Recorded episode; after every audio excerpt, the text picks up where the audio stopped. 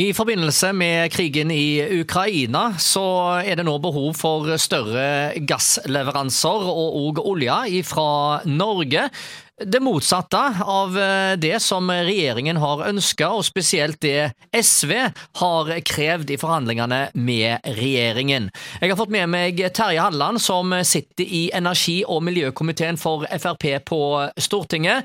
Ja, President Zelenskyj i Ukraina i sin henvendelse til Stortinget ba jo konkret om at uh, Norge da gjorde mer for å levere gass og olje til Europa. Er dette en sak dere nå kommer til å få på bordet i komiteen? Ja, altså vi konkret kommer til å få det på bordet sånt på, på, på, kort tid. Uh, jeg er nå usikker på, men, men hele den geopolitiske situasjonen som nå skjer, er, må vi ta inn over oss.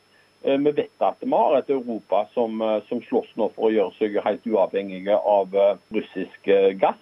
Vi vet vi har et Ukraina som både trenger mer gass og, og har for så vidt gass selv som de kan forsyne seg med. Så det, det en trenger når, når, vi da kommer i fase to og, og, skal være med og bidra til å, å bygge Ukraina opp igjen, så kan Norge bidra. Vi kan bidra i alle fall til å avlaste eh, Europa eh, og, og tilrettelegge sånn at en kan eh, komme seg vekk fra den russiske gassen som, så fort som mulig. Men nå har vi jo SV som støtteparti til regjeringen, og de sier jo nei. De mener jo at vi skal legge ned hele olje- og gassindustrien i, i Norge. Det er vel ikke akkurat musikk i ørene til ukrainerne nå?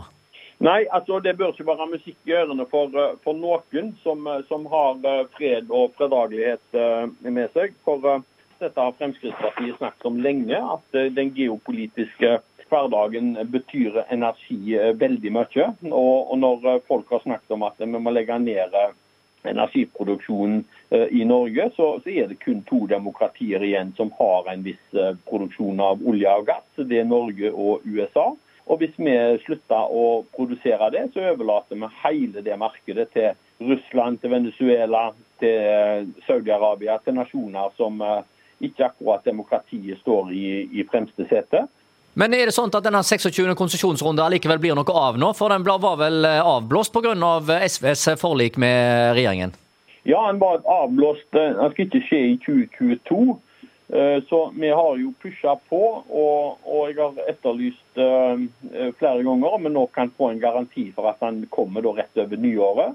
Jeg har ikke fått den garantien, og vi så på, på TFO-runden, som, som, er den uh, runden som kommer årlig, at regjeringen tok med en del områder som normalt sett burde ligget i den nummererte runden, eh, og, og la inn i TFO-runden. Så, så jeg, jeg, vet ikke helt hvordan jeg skal tolke det signalet fra regjeringen. Men jeg regner med at TFO-en går som tenkt, at det er god interesse rundt der, og at uh, selskapene kjenner sin besøkelsestid. Men jeg håper òg at det er flere selskaper som egentlig, uavhengig av den situasjonen som er i nå, men at, at vi klarer å få opp selskaper som ønsker å utforske nye områder på det som vi har tilgjengelig, spesielt i Barentshavet.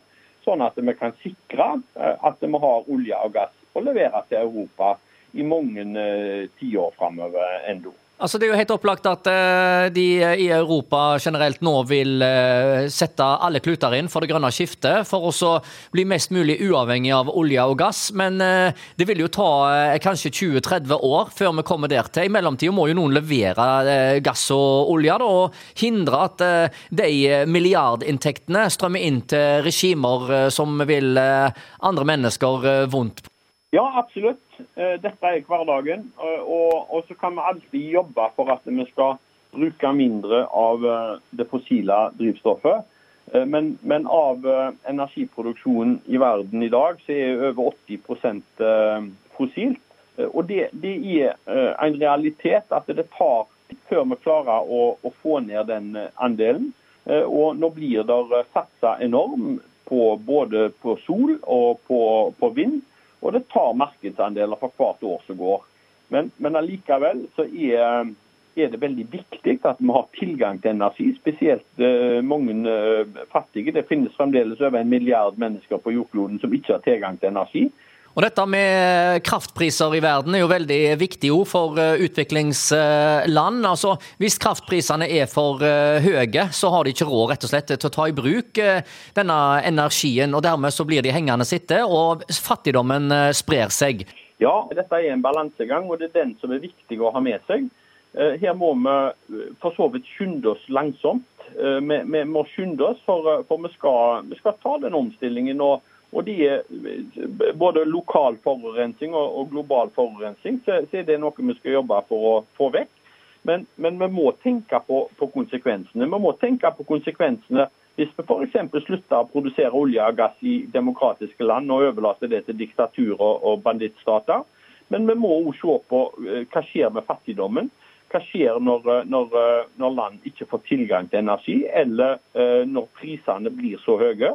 For blir et produkt dyrt, så klarer de fleste rike og vestlige land å tilpasse seg den situasjonen. Men det er de fattige landene som taper. Og Det sier altså stortingsrepresentant Terje Halland.